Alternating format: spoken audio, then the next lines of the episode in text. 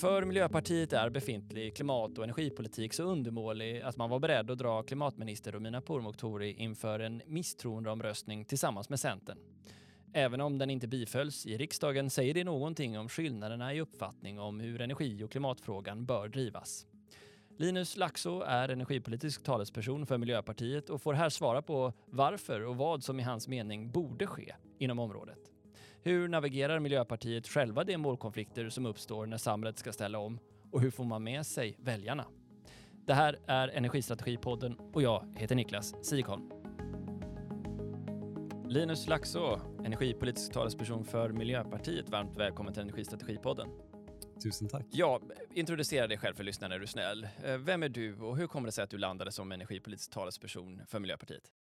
Ja, jag är ju energiingenjör i grunden, så att eh, jag har jobbat med energi och klimatfrågor i eh, ja, senaste 15 åren ungefär. Så att eh, det känns, jag är superglad att jag fick eh, energifrågorna. Men min bakgrund är jag uppväxt på ja, landsbygden utanför Burträsk i eh, Västerbotten, mellan Umeå och Skellefteå. Nu är jag invald för Sörmland, så jag har bott i Eskilstuna sedan ungefär tio år. Som sagt, energi i grunden och eh, ja, suttit i partistyrelsen och ansvarar för energifrågorna tror jag, de senaste sju åren och sen blev jag invald i riksdagen den här mandatperioden. Det är två frågor där. Då. Det ena är vad var det som drog dig till energin just och vad det andra var varför landade det i Miljöpartiet? Ja, men jag hade nog överhuvudtaget ingen tanke på att ge mig in i partipolitik. Eh, jag har i och för sig alltid varit allmänpolitiskt intresserad men trodde absolut inte att partipolitik var något för mig. Men eh, det var egentligen när jag funderade vad jag skulle utbilda mig till som jag kände att ja, men man vill ju ändå bidra till något, något större, alltså till någon samhällsnytta. Och klimathotet är ju något av det mest akuta vi står inför. Så jag tänkte att, att få jobba med att utveckla hållbara energilösningar. Eh, måste, ja, det kändes ju klockrent, så jag valde att utbilda mig till energiingenjör. Sen eh, ja, har jag jobb, jobbat ganska många år inom både näringslivet och offentlig sektor och kände väl ehm, till slut att ja, men det är inte i huvudsak, tycker jag, ett tekniskt problem egentligen. Alltså, vi har väldigt mycket teknik. Det känns som att det är andra. Sen behövs definitivt fortsatt teknikutveckling, i snack om det, men, men det behövs också politik för att möjliggöra den här omställningen. Och så jag kände väl egentligen en större och större frustration, gick och beklagade mig för, för mina vänner och sådär som till slut sa att ja, men du får väl eh, ge dig in i, i, politiken själv då och jobba med energifrågan bland annat. Nej, men så jag, jag funderade, jag kollade väl eh, på olika partier faktiskt. Det var, det var inte helt självklart vilket parti jag skulle välja. Läste liksom olika program och, och sådär och kollade upp vad man hade för politik men eh, landade då ändå i att det är liksom energi, klimat, miljö som jag känner att det är mest akut och viktigast och det var ändå Miljöpartiet som, som jag tyckte hade bäst politik eh, på det området. Eh, ja, på den vägen var det. Och sen gick jag in ganska hårt liksom och engagerade mig. Blev då invald i partistyrelsen efter några år och har lagt ganska mycket tid och kraft på politiken sedan dess. Hur skulle du beskriva Miljöpartiets ambitioner inom miljö och klimatpolitiken ja, relativt samhällsutvecklingen. Hur skulle du sätta ord på det? Ja, men, eh, det är ju några utmaningar vi behöver hantera samtidigt. Vi, liksom, vi står ju inför en, en eh, ganska akut kris just nu och vi ser ju redan hur ja, förändringar börjar slå mot samhället. Så att vi behöver, det är ju bråttom. Samtidigt när man gör stora förändringar så väcker det alltid ett visst, visst motstånd och eh, man behöver alltid hantera konsekvenserna av det. Så jag skulle säga att vi har alltid naturligtvis haft eh, ambitionen att ligga i framkant och ha de bästa lösningarna för, för klimatomställningen. Men både med tanke på att det är mer akut, ja, det vi står inför, så blev i alla fall jag eh, rätt så, eh, det väckte en väldigt ny tanke under coronakrisen faktiskt. Då var vi liksom överens från höger till vänster att nu är det en nationell kris. Det, det var liksom en, en allvarlig påverkan på samhället som också slog ganska olika. Vissa branscher blev eh, drabbat väldigt hårt, typ restaurangnäringen och, och så vidare. Och vi behövde Eh, också hjälpas åt som samhälle. Det var ju en väldig uppslutning mot att följa de här rekommendationerna för, för att minska smittan och så vidare. Och egentligen eh, då slog det i alla fall mig att precis, på precis samma sätt eh, måste vi hantera eh, klimatkrisen. Och eh, från höger till vänster var vi överens om att nu måste vi, staten gå in och ta ett stort ansvar här. Jag tror att det ställdes ut närmare 400 miljarder i olika ja, stöd och garantier och sådär under två år, alltså 200 miljarder per år för att ja, tackla den krisen som man, som man såg att vi befann oss i. Och eh, jag menar att precis, eh, på precis samma sätt måste vi hantera klimatkrisen. Vi måste ha en väldigt tydlig riktning. Eh, staten måste ha ett ledarskap i, i både ord och handling. Och vi har ju också föreslagit att vi ska ha en investeringsbudget för klimatet för att eh, det här är ju en, en fråga som vi inte kan liksom dutta med utan vi behöver ju lösa det här kraftfullt här och nu. Och det är ju bråttom. Så att, och det här är ju på, egentligen ett eh, arbete som vi redan påbörjade under de eh, sju år vi satt i regering i och med Industriklivet, Klimatklivet, klimatlagen och hela klimat, den förra klimatpolitiska handlingsplanen. Så att både liksom tydliga mål, en tydlig riktning, fossilfritt Sverige som samlade både politiken och näringslivet och liksom tog ut en riktning. Och nu tycker jag att det har också kokat ner till egentligen det som vi också tycker jag tillsammans med då Socialdemokraterna faktiskt gifte ihop väldigt bra. En klimatpolitik och en industripolitik som går hand i hand. Och nu tycker jag att nu har vi liksom två stora gröna pilar som pekar åt samma håll. Och det är att vi måste klara klimatomställningen, men det handlar också om, Eh, nu handlar det också om Sveriges framtida konkurrenskraft och utveckling som industrination. Det står ju liksom, ja, många eh, företag och investerare står ju nu beredda att liksom investera mång, många, alltså tusentals miljarder i den här omställningen för att satsa på de fossilfria och hållbara eh, teknikerna, både inom energisektorn och inom industrin. Så det här blir positivt nu när eh, både klimatsatsningar och industrisatsningar går hand i hand. Men jag tänker på den jämförelse som du gör till covid och coronakrisen. Det var att den var ju omedelbar, den var tydlig. Folk eh, dog tyvärr, mest konkreta eh, liksom, exemplet, och den var omedelbar. Mm. Den här krisen som vi nu går igenom, även om januari var den varmaste januari-månaden som någonsin har uppmätts globalt, så är det ju en, en långsam förskjutning. Mm. Och det finns ju andra partier som också gör gällande att de står för den bästa klimatpolitiken. Kristersson gick ju bland annat ut och sa att Romina var den bästa klimatministern som vi någonsin har haft. Apropå den eh, den eh, misstroendevotering som lyftes från bland annat er. Mm. Um, argumentet emot det här och att eh, så, som flera i Tidöpartierna har sagt, att det här är en omställning som också måste få med sig människorna i processen och därför så krävs en, en större förståelse för just den här förändringsledningen som behövs. Hur ser du på det argumentet? Ja, alltså det argumentet är ju sant i sak. Eh, men problemet med deras politik, alltså det, det är ju ett argument för att man måste kombinera en klimatomställning med en social hållbarhet, och, och både ekonomiskt och socialt.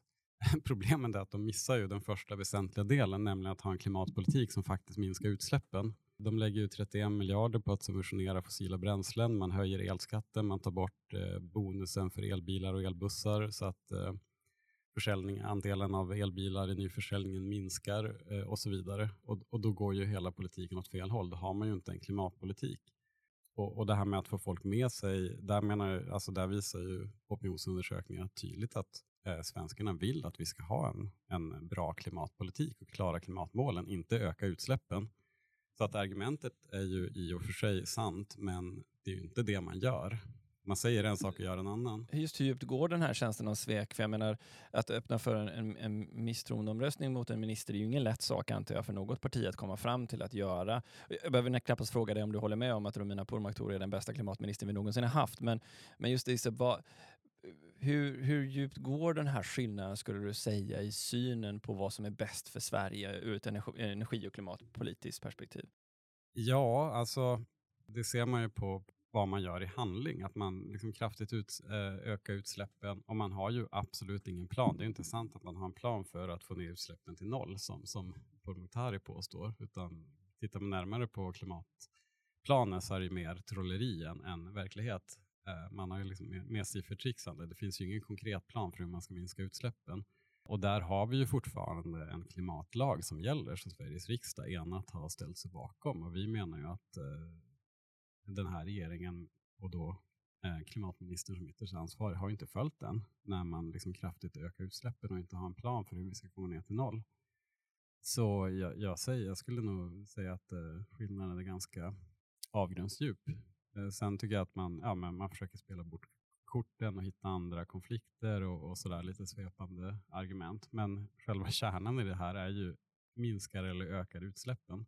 Sen eh, kan jag tycka, liksom, om man ska vara, vad, vad kan man göra bättre i, eh, för att klimatpolitiken ska få ett mer folkligt stöd? Där tycker jag att just jag menar att vi måste tänka mer investering. Alltså vi gör det här här och nu och måste, man måste vara ännu mer påpasslig än vi varit tidigare för att kompensera för de som upplever någon typ av, av nackdel i den här omställningen. Och så att där har vi tagit fram en del förslag. Alltså den, den vanliga kritiken är, men vad gör man när man bor på landsbygden och är beroende av en fossilbil och man har inte råd att, att investera kanske i en ny bil. Där har ju faktiskt också jag personligen drivit länge och nu fått igenom i, i eh, sen, sen ganska länge i vårt parti att vi ska ha ett riktat stöd, en eh, högre bonus, eller skulle vara, den är ju tyvärr borta, för boende på landsbygd, men vi har också tagit fram ett förslag till ett leasingstöd för låginkomsttagare där man får ja, 1500 kronor eller mer för att leasa en elbil. Och samma sak har man faktiskt gjort i Frankrike med väldigt gott resultat. Vi har ju förslag på ja, med Sverigekortet där man eh, går in och subventionerar helt enkelt kollektivtrafiken mycket krafter så att man sätter ett, eh, tak på 500 kronor i månaden för en eh, eh, kollektivtrafikbiljett som ska gälla i hela Sverige. Och där, det har man gjort i Tyskland också med väldigt gott resultat. Så att, eh, ja, nej, men ännu mer offensiva satsningar för att det ska vara lätt att göra rätt och funka, liksom verkligen eh, skräddarsy så att eh, den här omställningen funkar för alla. Det tror jag vi måste göra ännu bättre för att få, liksom, all, alla ska känna med, att, eh, alla måste känna att man är med på tåget och en del av den här omställningen. Nu får du rätta mig om jag tolkar dig fel här, men det låter nästan som på dig som att om ni blickar tillbaka till varför den här motreaktionen kom var att ni tidigare regeringar kanske inte tillräckligt satsade på just den här fördelningspolitiska aspekten av energiomställningen. För vi fick ju uppenbarligen en motreaktion, den kom ju i flera former, det gör den ju även i Europa idag. Det är en diskussion inför Europavalet i vår om huruvida vi kommer få en förändring i det politiska läget i Europaparlamentet som gör att ambitionerna för klimat och energipolitiken justeras ner stämmer det? Liksom, att det måste vara ännu mer fokus på det nu? Det Är det det du argumenterar för? Ja, alltså, ja det tycker jag att det ska vara.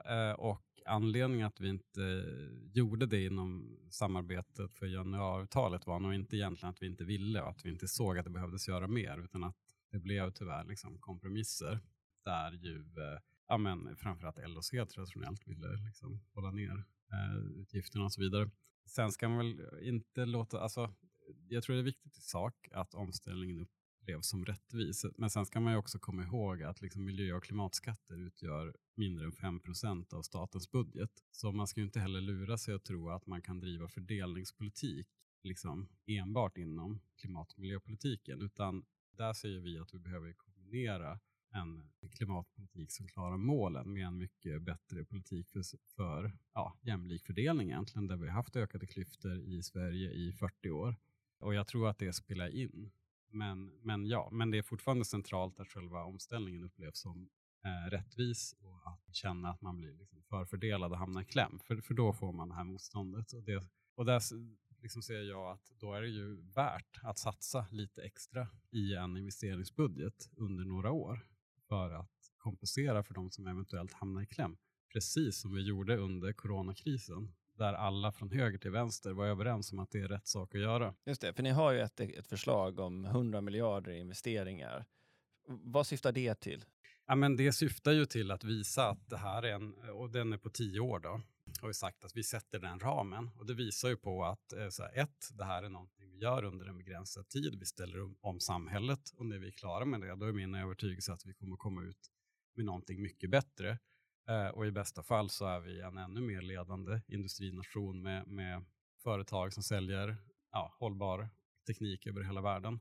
Men det är en satsning som vi gör nu, det är en omställning som behöver ske och eh, staten behöver ta en ledartröja och vi behöver göra investeringar. I, i vad då? Vad är det viktigaste att göra investeringar i som du menar? Ja, vi har dels eh, mer specifikt så har vi ett stöd på ungefär 3 miljarder för att investera i storskalig energilagring.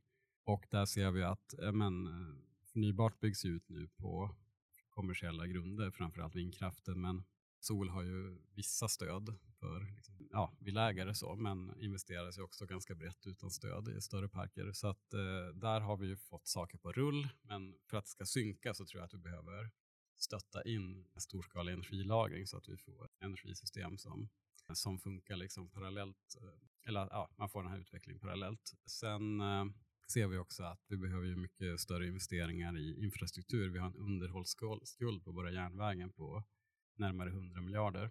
Och till det ska man ju säga att Sverige har en väldigt låg statsskuld. Vi har till och med, alltså nu har vi en statsskuld som är under de ramar som riksdagen har satt att vi ska hålla oss inom. Vi har egentligen för låg statsskuld, vilket tyder på att vi har underinvesterat, alltså att vi har en i princip för låg statsskuld och en jättestor underhållsskuld på, på järnvägen och otroligt stora investeringar som behöver göras, både för vår konkurrenskraft och för vår klimatomställning. Då tycker jag att pekar också där i samma håll. Just det, ni är ett av de partier som föreslår att man ska förändra det finanspolitiska ramverket så att man skulle kunna driva ett visst underskott på budgeten för att då investera i olika typer av sådana infrastrukturprojekt.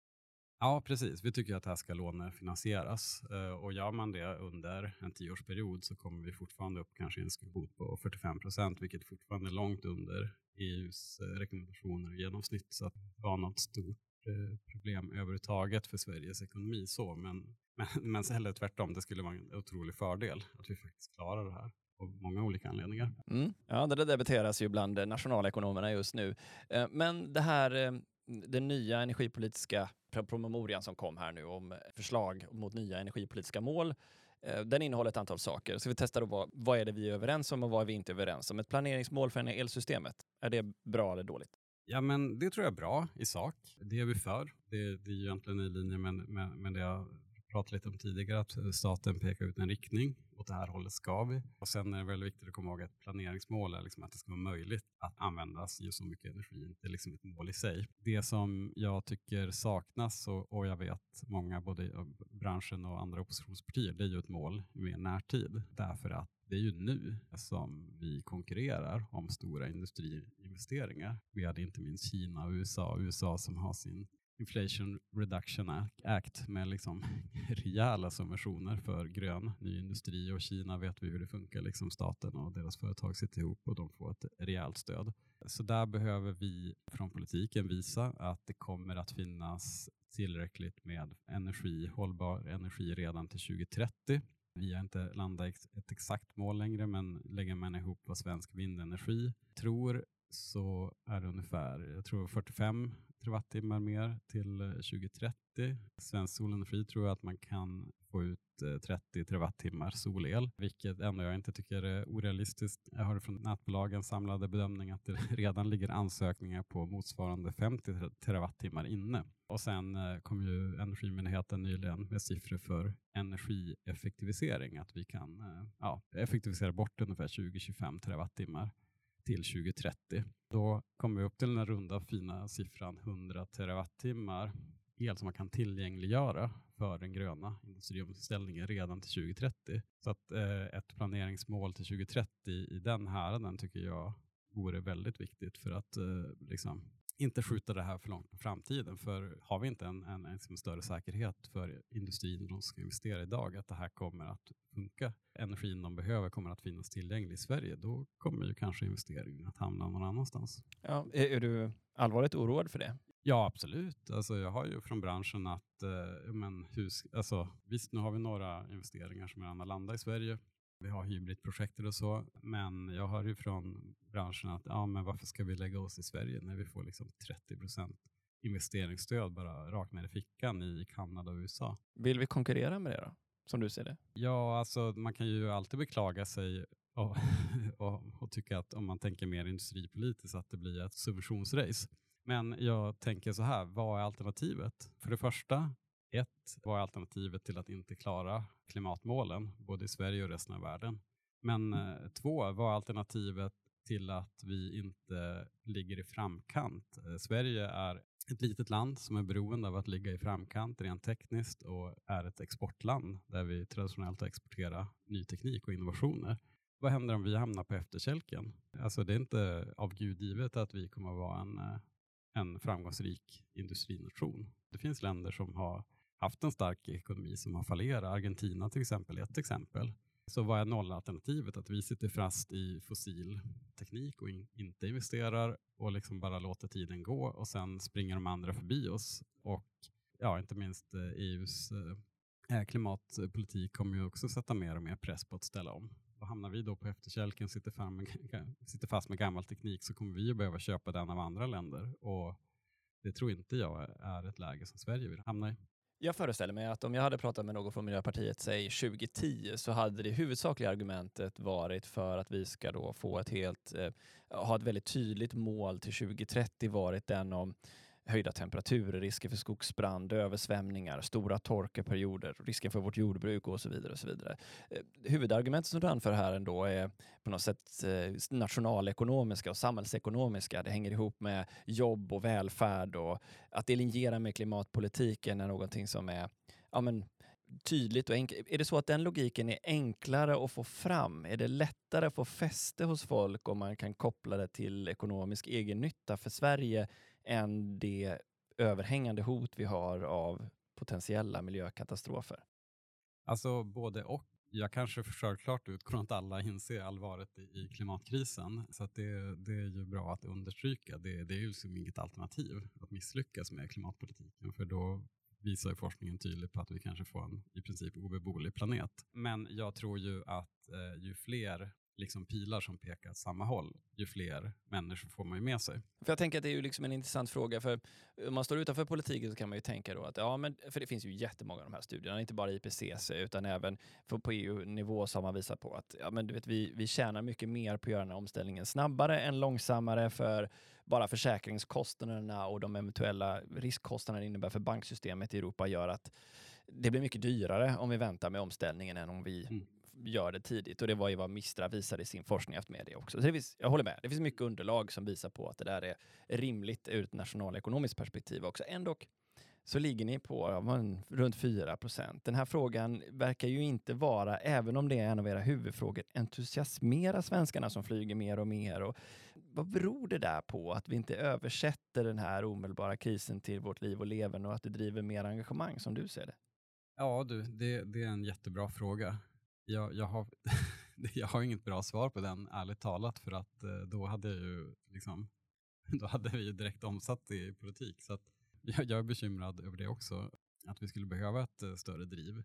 Men eh, det finns ju också hela tiden ett motstånd mot förändringen som tar sig uttryck på olika sätt som gör att man vill ja, förhindra och fördröja. Alltså början för tio år sedan och, och bakåt så ifrågasattes ju klimatforskningen och nej men det, nu, det stämmer nog inte riktigt vi behöver nog inte göra det här och sen kom mer de ekonomiska argumenten att det är för dyrt och ekonomin kommer krascha om, om vi ställer om. Jag tycker väl att vi har kommit kanske in i en period nu när man försöker skjuta ner budbäraren snarare, för man har inte argument, alltså det är redan, vi har väl vunnit debatten om att klimatförändringen är på, på riktigt och att vi behöver göra något. Men nu är det mer att nej men inte just den här eh, åtgärden, den, den är inte bra och så vidare. Men man kommer alternativ och där drabbas tror jag både Miljöpartiet av, som väldigt mycket påhopp i, i debatten, men även eh, klimatforskare är ju hårt eh, ansatta. Det vet jag många som rapporterar om, alltså när man försöker komma ut med budskap med det. Jag vet att många journalister som eh, rapporterar om klimatet upplever liksom väldigt mycket hat. Så det finns ju fortfarande ett stort motstånd mot att genomföra den här förändringen. Ja, för jag tänker att du, du, även ni får ju klä skott för den kritiken. Ni misstänkliggörs ju, jag menar, även för, för flera saker. Tidigare miljöpartister som sägs sitta som handläggare på Länsstyrelsen i Gotland som eh, försvårar eller förhindrar en, en fortsatt drift av eh, Slite och eh, cementproduktionen på Gotland eh, till eh, affiliering med Naturskyddsföreningen som skickar ut patruller för att leta efter ovanliga arter där vindkraft har fått tillstånd att bygga i skogar. Jag menar, ibland så kan kritiken mot, mot, er, i alla fall det som vill projiceras mot er, vara att ni är beredda att trycka klimatet och mångfaldsfrågorna längre än vad människor är beredda att acceptera för samhällets eh, så att säga, bestående processer. Förstår du vad jag menar? Mm. Hur ser du på det? Jag tror inte att det är eh, riktigt sant, alltså att det, att det förhåller sig så. Eh, för som sagt, det finns ju, eh, Göteborgs universitet som vidare gör ju ganska omfattande opinionsundersökningar. Där ser man ju att eh, människor vill att vi ska klara klimatmålen och ställa om och man vill bevara den biologiska mångfalden. Där är ju för övrigt forskningen lika tydlig som med klimatförändringar att det är helt avgörande för framtida välfärd på den här planeten. Utan jag tror att det är det här motståndet mot förändring som egentligen alltid finns och det är ju det finns egentligen, det, det är inte bara vad, vad det gäller att ställa om eh, till klimatet eller så, utan det har vi sett i andra stora eh, samhällsförändringar, att det finns alltid ett motstånd mot förändring. Man, eh, man är van eh, så som det funkar här och nu och det finns också alltid, alltså all ekonomi och alla ekonomiska intressen är ju på något sätt uppbyggt från som det ser ut idag. Så att det, det finns alltid ett motstånd. Och, Eh, men Miljöpartiet är ju också ett progressivt parti som vill driva på liksom för, en, för en förändring på, inte, framförallt naturligtvis miljö och klimat, men också andra områden. Så att det, det möter ju alltid ett motstånd. Sen kan jag ju tycka att, så att och det, vill, det får man hantera. Sen tycker jag att det har blivit ganska fult liksom, i, i debatten. Det är väl min största kritik, inte att man möter motargument, utan på vilket sätt det görs. Okej, okay, ja, jag tror jag stannar där efter jag kan tänka mig liksom att det är någonting som måste hanteras i vart fall. Men om vi går till ehm, tillbaka till energipolitiken så har vi ju inte bara då en, en, fråga om att vi ska upp kanske till de här 300 terawattimmarna eller vad det nu är. Ehm, vi har ju också den om leveranssäkerhetsmål och då är ju val av tekniker kanske det som faller ner på politikernas bord. För dig, hur bygger vi ett leveranssäkert energisystem till då 2045 men även till 2030 då givetvis eftersom det är ett viktigt mål för dig på ett sätt som möter de förväntningar som du tror att eh, kunderna i, systemet har? Mm. Ja, men, eh, jag tycker egentligen att eh, dels hänger det ganska väl ihop med att energisystem med mycket mer inslag av förnybart. Solceller, vindkraft som är mer utspridda i händelse av kris eller krig, alltså svårare att sabotera eller liksom skjuta sönder med en missil och så vidare. Sen behöver man ju tänka på att Alltså det här med ödrift, absolut, eh, det borde vi ta med, ehm, de aspekterna. Men eh, jag tänker att både det här med att vi får in mer hemmabatterier, om det ska vara ett krav på, nu är det ganska billigt med eh, konverter eller så som kan köra ödrift, alltså off-grid i hus. Det vore en otrolig resiliensresurs om att om ett stort antal villor kan klara sig off-grid under vissa perioder.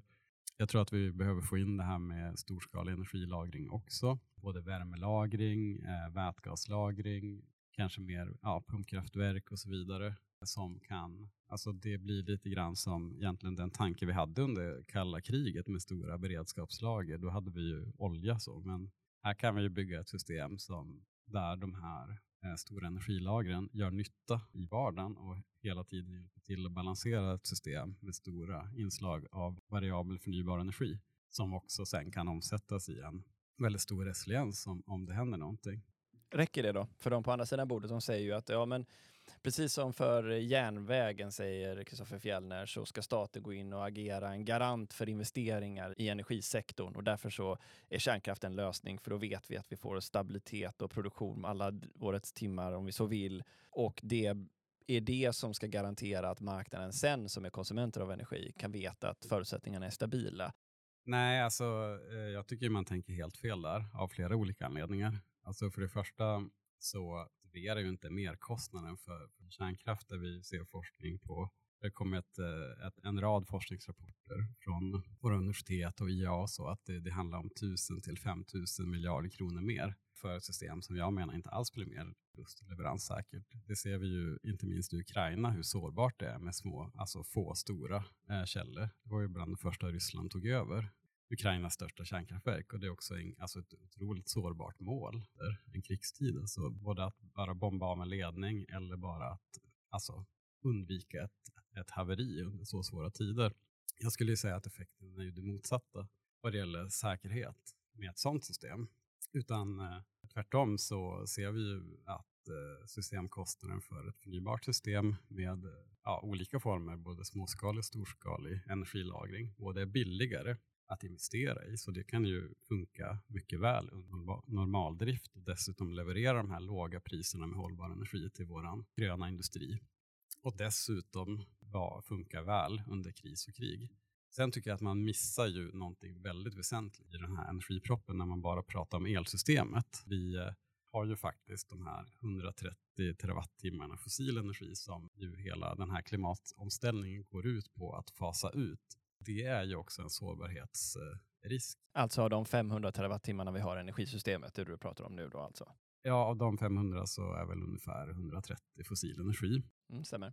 Av olika slag och eh, vi såg ju vad som, hur sårbart det var att vara beroende av eh, fossil energi från skurkstater under, efter Rysslands invasion av Ukraina när man började strypa kranar och använda det som ett maktmedel. Så det är ju en sårbarhet under krig och kris att vi är ju importberoende där. Så att eh, om vi elektrifierar transportsektorn och industrin så är det ju eller det är liksom en, en väsentlig del som saknas. Hur ska vi fasa ut den fossila energin och bli mer självförsörjande?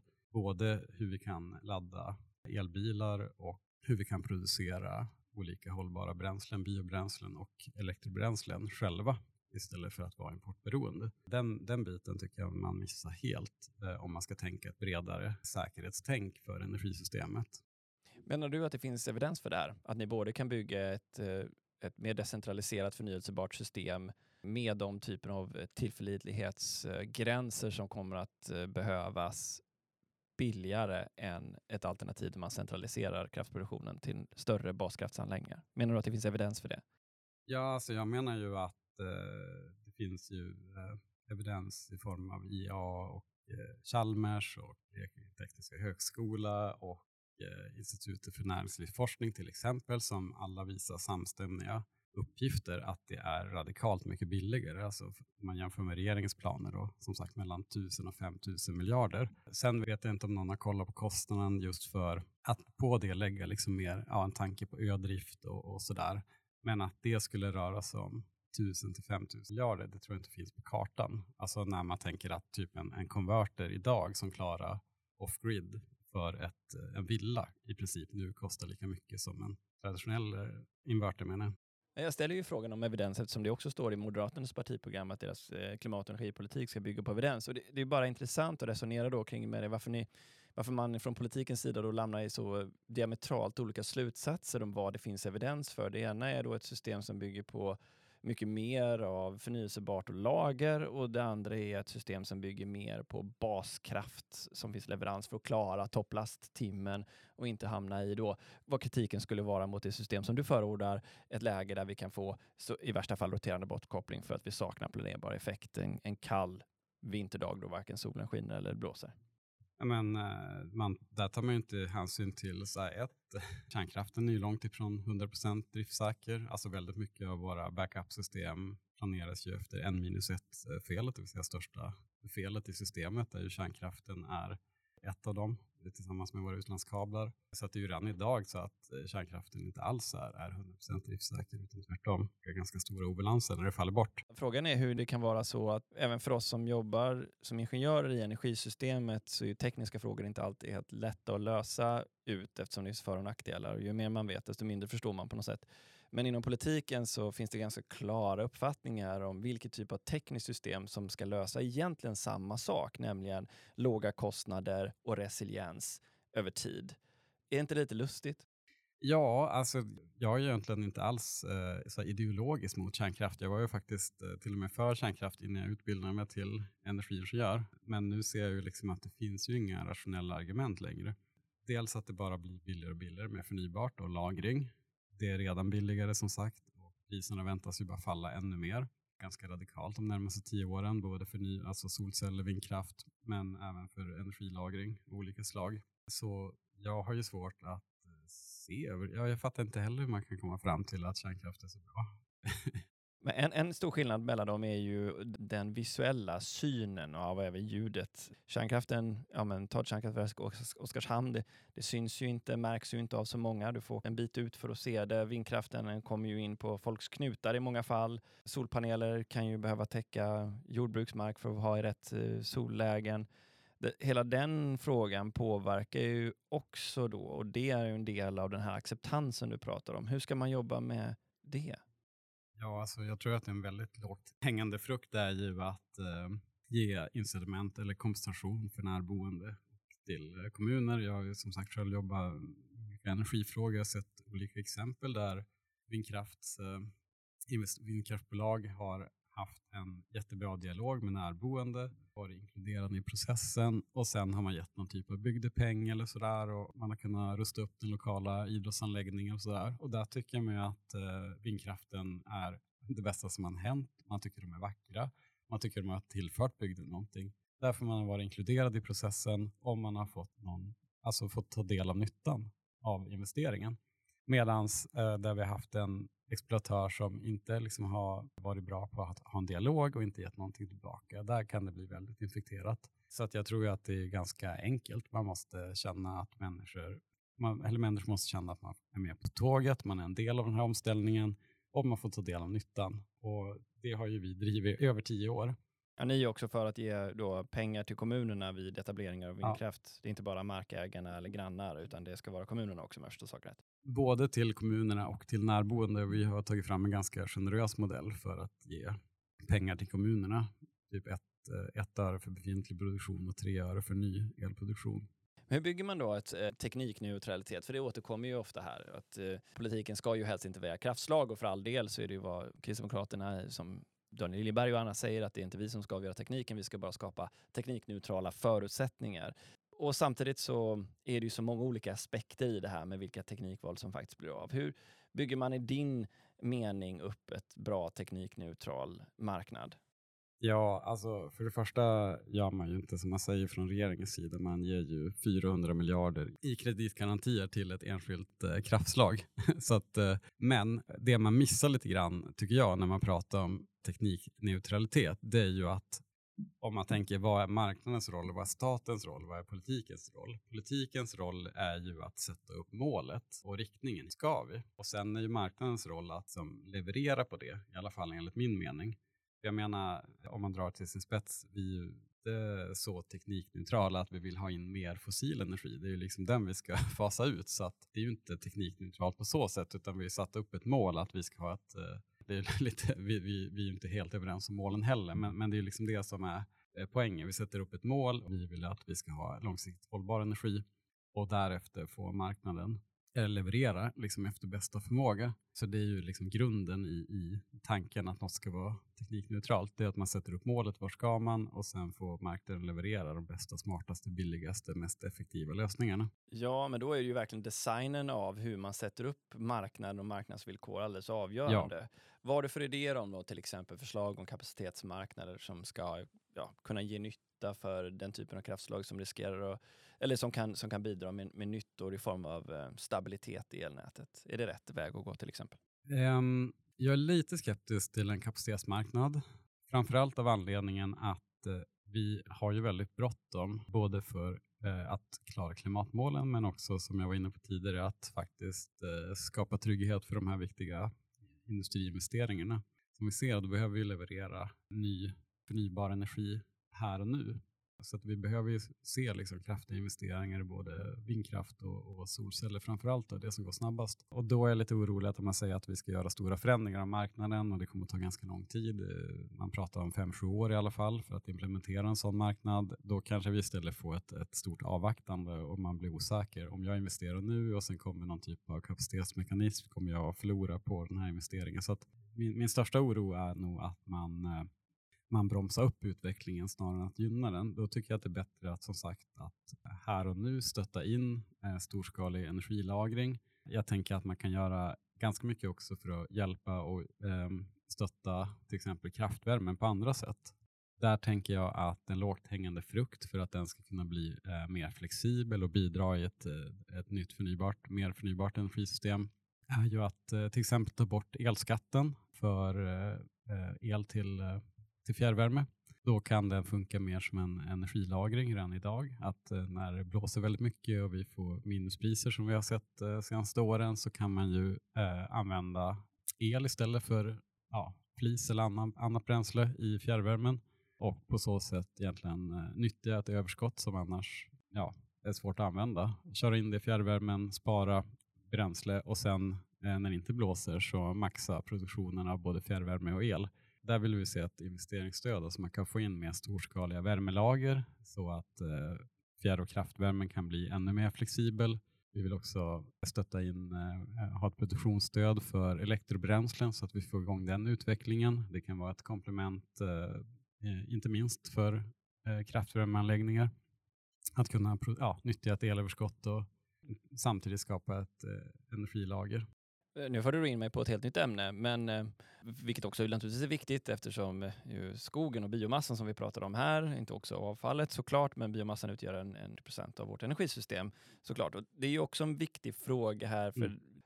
Man kan tänka sig här nu, nu pratar du om ett specifikt förslag här om att man skulle kunna använda kraftvärme och lågpristimmar som en buffert och det hänger ihop med cirkulära lösningar, vilket också ditt förslag om e-bränslen gör. Kraftvärmestrategin visar på att det kan bli så mycket som 60 100 terawattimmar spillvärme, men de hjälper ju föga om alla hamnar i Luleå, säg. Så eh, vi, vi kan inte göra nytta av eh, 60 terawattimmar spillvärme på ett ställe i landet. Tänker du också då att det ska komma investeringsstöd för särskilda cirkulära lösningar där e-bränsleinvesteringar skulle exempelvis kunna hamna där fjärrvärmenät är? Är det så du tänker? Um, men I planen för energieffektivisering så vill jag också ha mer, mer nyttjande av spillvärme. Så absolut, alltså tänker vi både elektrobränslen och vätgasproduktion generellt så kommer vi att få Alltså att den blir effektiv bygger också på att man kan ta, i alla fall delvis, till stora delar ta tillvara på eh, spillvärme från elektrolysörer. Så att det, det är klart det är väldigt smart att kunna samlokalisera sådana investeringar. Ja, för en annan målkonflikt som du dyker in på, som ju är en klassisk också för det är ju den om hanteringen av skogen. Och eh, målkonflikten mellan å ena sidan den eh, kaskadeffekt det blir av att använda trä för exempelvis bygga av fastigheter i, i trä Eh, kontra den biologiska mångfalden då och inbindningen av koldioxid som en väldigt stor och viktig kolsänka för vårt land.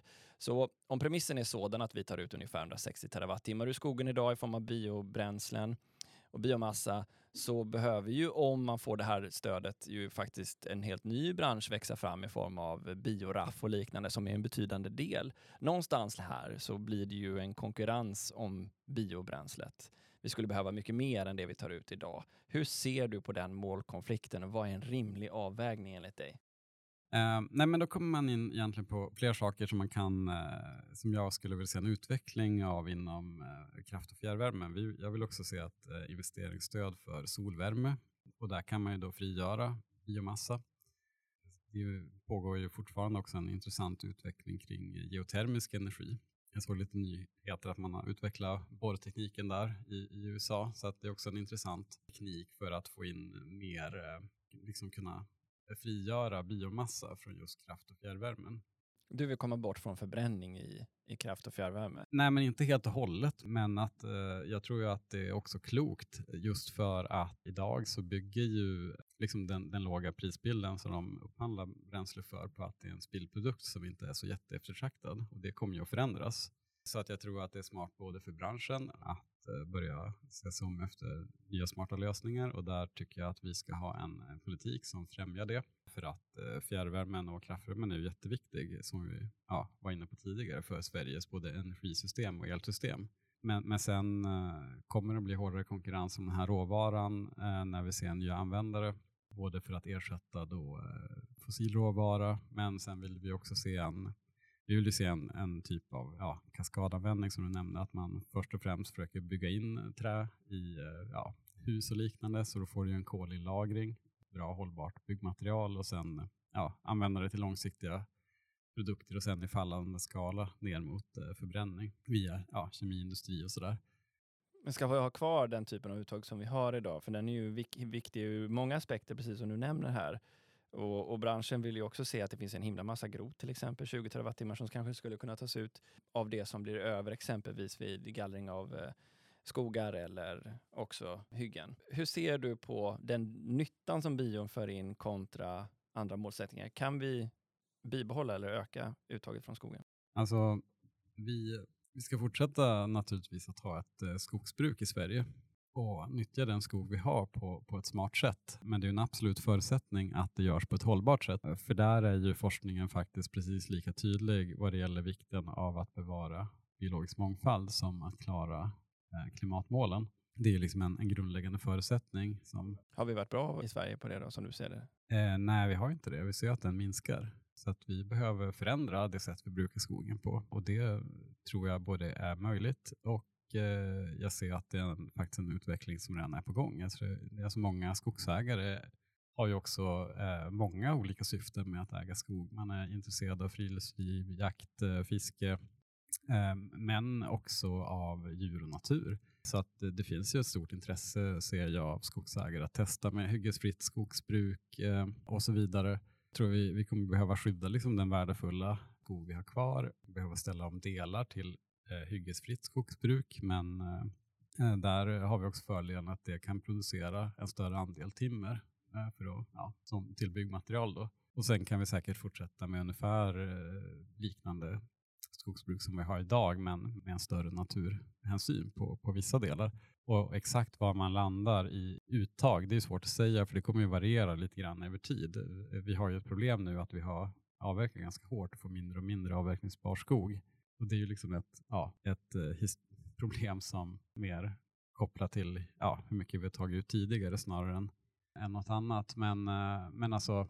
Men det är inte så att skogen minskar i alla fall, det är vi överens om. Den växer ju fortfarande, vi avverkar ja, inte ja. mer än vad ja, den växer. Ja, så är det. Så är det. Och det beror ju på att vi har ganska mycket ungskog, för att vi avverkar ganska, ganska hårt tidigare. Men vi, nu kommer jag inte ihåg exakt, eh, men ja, det är väl 80-100 år någonting i alla fall som man vill att skogen ska vara när man avverkar och där, där minskar ju den andelen ganska kraftigt. Nej, men, eh, ja, men så summan av kardemumman, vi kommer att, att eh, kunna fortsätta nyttja våra skog. Vi kommer att kunna ha en, alltså det kommer kunna vara en viktig råvara både för eh, som byggmaterial, som eh, en insatsvaror och som eh, bränsle. Men vi måste ha ett eh, mer miljöanpassat skogsbruk och vi måste ha en smart användning av de här resurserna.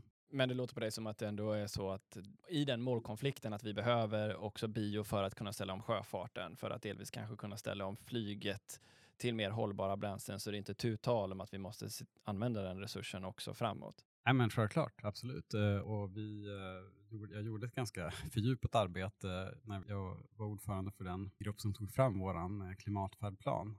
Ja, i mångt och mycket hela vår eh, klimatpolitik bygger på. Där fördjupar vi oss väldigt mycket i just biobränslefrågan eftersom det är en målkonflikt som vi ser och vill klara båda. Men alltså, vi, där kommer vi fram till att det är ju hållbart, i alla fall enligt de siffror från då, med upp mot 30 terawattimmar produktion av biodrivmedel per år och det kommer vi ganska långt med i omställningen tänker jag. Om vi också får in mer elektrobränslen och ser vi en kraftfull elektrifiering på det politikens roll här då, hur ser du på den? För här dyker ju den här typen av målkonflikter upp i snart sagt varenda tuva vi har där ute i samhället. Det är kösystemet, vem ska gå före kontra vem det är som anmäler sig först. Eh, var någonstans ska SVK lägga sina stora investeringar och allokera dem rättvist över landet? Hur ska vi behandla tillståndsärenden i konflikt med mängder av andra intressenter som rör allt från rekreation till sjöfart till djur och mångfald? Här krävs ju en närvarande politik, antar jag, på ett, på ett helt annorlunda sätt än vad det gjorde när energisystemet fortfarande var i balans. Mm. Hur ser du på politikens roll när de här målkonflikterna eh, blir allt fler? Ja, men, eh, det viktigaste här är politiskt ledarskap. Dels måste man våga ta tag i målkonflikter och hantera dem. Och man måste landa i en, en, liksom en, alltid en rimlig avvägning. Och ett problem där är att alla blir inte alltid nöjda. Tvärtom, liksom, om det är helt, alltså, för det första så kan man ofta vara ganska kreativ tycker jag. Så att det, det, krävs ju ett mått av kreativitet och innovation. Då kan man ju också ofta hitta lösningar som där liksom båda parter kan bli vinnare i många fall, inte alltid. Och när man måste göra en mer exakt avvägning, då måste man ja, göra så, så gott man kan och sen ta ett beslut och, och liksom våga, våga ta beslut i målkonflikter för att komma framåt. Okej, då, då, antar jag även att man får ta den politiska risken av att få bära hundhuvud av att inte alla alltid blir nöjda, eller? Det är ju det som är problemet. Och, och, och där... Precis, för man ska ju vinna nästa val också. Tänk. Ja, exakt. Så tyvärr så kan det liksom ja, vara politiskt smart inom situationstecken att liksom backa lite grann från målkonflikter och inte hantera det, för då slipper man vara den som, som alla som inte är nöjda då, kanske ingen på någon av sidorna blir arg på. Och, och det är ett problem. Men eh, jag tror inte det är gynnsamt för Sverige på lång sikt, varken för att klara eh, klimatomställningen eller för att komma framåt i den här gröna utvecklingen som vi ser. Så att, eh, och det är väl därför jag tänker att det är viktigt att nämna här, skicka med lyssnarna det, liksom att ja, det handlar väl om att liksom se att det behöver främjas, den typen av politiskt ledarskap tror jag. Vad är nycklarna nu tror du då, inför eh, valet 2026? Vad är det för typ av miljö och klimatpolitik som ni anför och som resonerar hos en, en allt större väljarskara då, eh, relativt sett där ni utgår ifrån idag? Ja, men jag tror att det fortfarande finns en bild av att det handlar mycket om eh, uppoffring och, och få det sämre och det kokar ofta ner till att man lyfter de liksom, exemplen. Så där tror jag att vi behöver vara väldigt nogsamma med att ta svar på liksom alla typer av, ja man ska säga, situationer där man kan uppleva en försämring. Alltså inte minst, ett, som jag nämnde tidigare, leasingstöd för elbilar så att de som är beroende av bilar och inte har tillgång till kollektivtrafik eh, kan se en lösning för sin situation. Där får du dessutom mycket lägre driftkostnad. Då. Så att, eh, och även eh, som jag nämnde, Sverigekortet eh, gör kollektivtrafiken billig och enkel. Alltså våga liksom ta fram de lösningarna som, som vi ser faktiskt går hand i hand med även plånboksfrågor och liksom att hur ska folk klara vardagen. Det tror jag är liksom viktigt att våga och inte vara liksom för nationalekonomiskt eh, rättstrogen alltid, utan det här med att eh, få folk med sig är viktigt, men det handlar också om att då faktiskt klara klimatmålen samtidigt. Sen tror jag att det finns en Eh, eh i alla fall väldigt många som jag pratar med när vi förklarar vår idé om en investeringsbudget för klimatet där vi stöttar industrin, energiomställningen, infrastrukturen. Jag träffar väldigt många från näringslivet som tycker att det låter som väldigt bra politik när man väl får förklara hur vi tänker. Så, så för oss handlar det om att borsta av oss det här, eh, den smutskastning som jag tycker vi har råkat ut för lite grann, visa på att vi har en plan framåt för Sverige som både klarar klimatet, miljön, men också klara en bred välfärd där vi satsar. Vi har stora satsningar i vår budget på, på sjukvården, på skolan och även på olika delar för en rättvis klimatomställning där alla känner att de är med på tåget och eh, kan leva klimatsmart.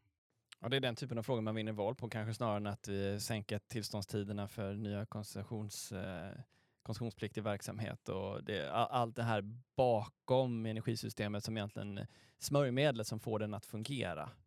Ja, det, för det första när man pratar med de eh, olika företrädare för näringsliv och industri så är det väldigt viktigt att eh, ha svar på dem, de frågorna. Men framförallt eh, när man väl kommer i regeringsställning för att sen kunna leverera så måste man ju ha även de förslagen väldigt genomtänkta som inte kanske är de mest eh, de som man lyfter i en valrörelse. Men eh, man måste liksom ha den här breda helhetsbilden, vilket jag, jag tycker att vi har. Okej, okay, så i den här intervjun så har vi ju både rört då elmarknadens utveckling och där du säger att du inte egentligen är för några kapacitetsmarknader. Du tycker att energy only-marknaden på många sätt, om jag får tolka dig rätt, fyller den funktionen som marknaden behöver. Du är för att ge fler lokala incitament att vara delaktig i eh, utbyggnaden av förnyelsebart. Du vill ha statliga stöd, inte minst för transport och sånt som du nämner, men också för, för mer lager, för du antar att du ser att med mer förnyelsebart så kommer det också in ett större behov av lager och lagerhantering för drifttimmar med, med underskott. Sen så vill ni också då se till att, det mest konkreta kanske du nämner här, är att kraftvärmen ska kunna få en effekt eh, skattereduktion på elpannor för att trycka undan behovet av biomassa men också kunna producera fjärrvärme när elpriset är lågt. Och så tänker ni att det ändå är vardagsfrågorna när det kommer till valrörelsen. Det är det som slår in. Så ni är för ett planeringsmål, men det är 2030-målet som är ert fokus. Förstår jag det rätt i den här intervjun ungefär? Då? Är det något jag missar? Ja, men, eh, jag kan väl eh, ändå trycka på det här med att snabba eh, tillståndsprocesser är ju också jätteviktigt för att klara det här. EU kommer nu med förslag på att det ska gå på typ mindre än två år att få tillstånd för sol och vind. Så det är ju helt avgörande. Sen är det ju liksom många delar för att få ett smart energisystem att funka. Jag tror att vi behöver mer lokala flexibilitetsmarknader där man kan bjuda in liksom tjänster från batterier och annan eh, flexibel flexibilitet och vi behöver nog även se över elmarknaden just eh, utifrån att vi får in mycket mer flexibilitet och många mer aktörer som styr efter elpriset. Så ja, vi, vi behöver ju eh, vara liksom på tå från politikens sida och se att eh, alltså det här handlar mer om små, liksom alla lagar och regler är ju utformade utifrån hur det såg ut igår. Och ska man kratta manegen för en förändring från politiskt håll, då handlar det om att vara ganska snabb i processer för lagstiftning och för att eh, uppmuntra. Och sen eh, en väldigt viktig del också, tycker jag, som ibland underskattas av det politiska ledarskapet, det är ju också ord. Vad man säger spelar roll, vad man målar upp för jag menar alltså vad man målar upp för framtidsvision och vad man lyfter för lösningar, alltså vad, vad man pratar om. Det blir ju liksom ändå en, eh, ja, en riktning om vart man vill ta samhället. Sen får man ju följa upp det med politik. Men... Ja, vilket ord vill du använda? Eller vilka ord? Vad tycker du är viktiga ord att eh, föra in i den politiska debatten? Ja, jag tror att vi behöver mycket mer framtidstro. Det är en ganska dystopisk tid vi lever i, så vi behöver ett ledarskap som ändå samla ihop Sverige och säga att vi klarar det här. Vi, vi är liksom en nation som har drivits av eh, utveckling, innovationskraft, ett brett socialt skyddsnät där alla ändå har kunnat eh, känna en trygghet och vi behöver fortsätta med det. Och ännu viktigare när vi ser eh, med så många, eller ja, vi upplever ju många externa hot. Klimatet är ju bara ett. Vi har rört eh, hotet om krig och ett krig i, Europa. Vi ser hur eh, ja, men, globala leveranskedjor är ganska sköra i en tid när vi får mer polarisering i världen. Och jag tror att för att människor inte ska bli handlingsförlamade i rädsla så behöver vi ett politiskt ledarskap som pekar ut riktningen, som skapar trygghet men också levererar på det.